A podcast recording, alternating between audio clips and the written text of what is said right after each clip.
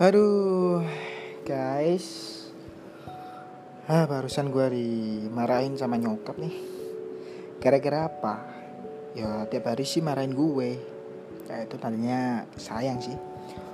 Jadi gini, gue ini kan lagi di rumah sambil rokokan lah.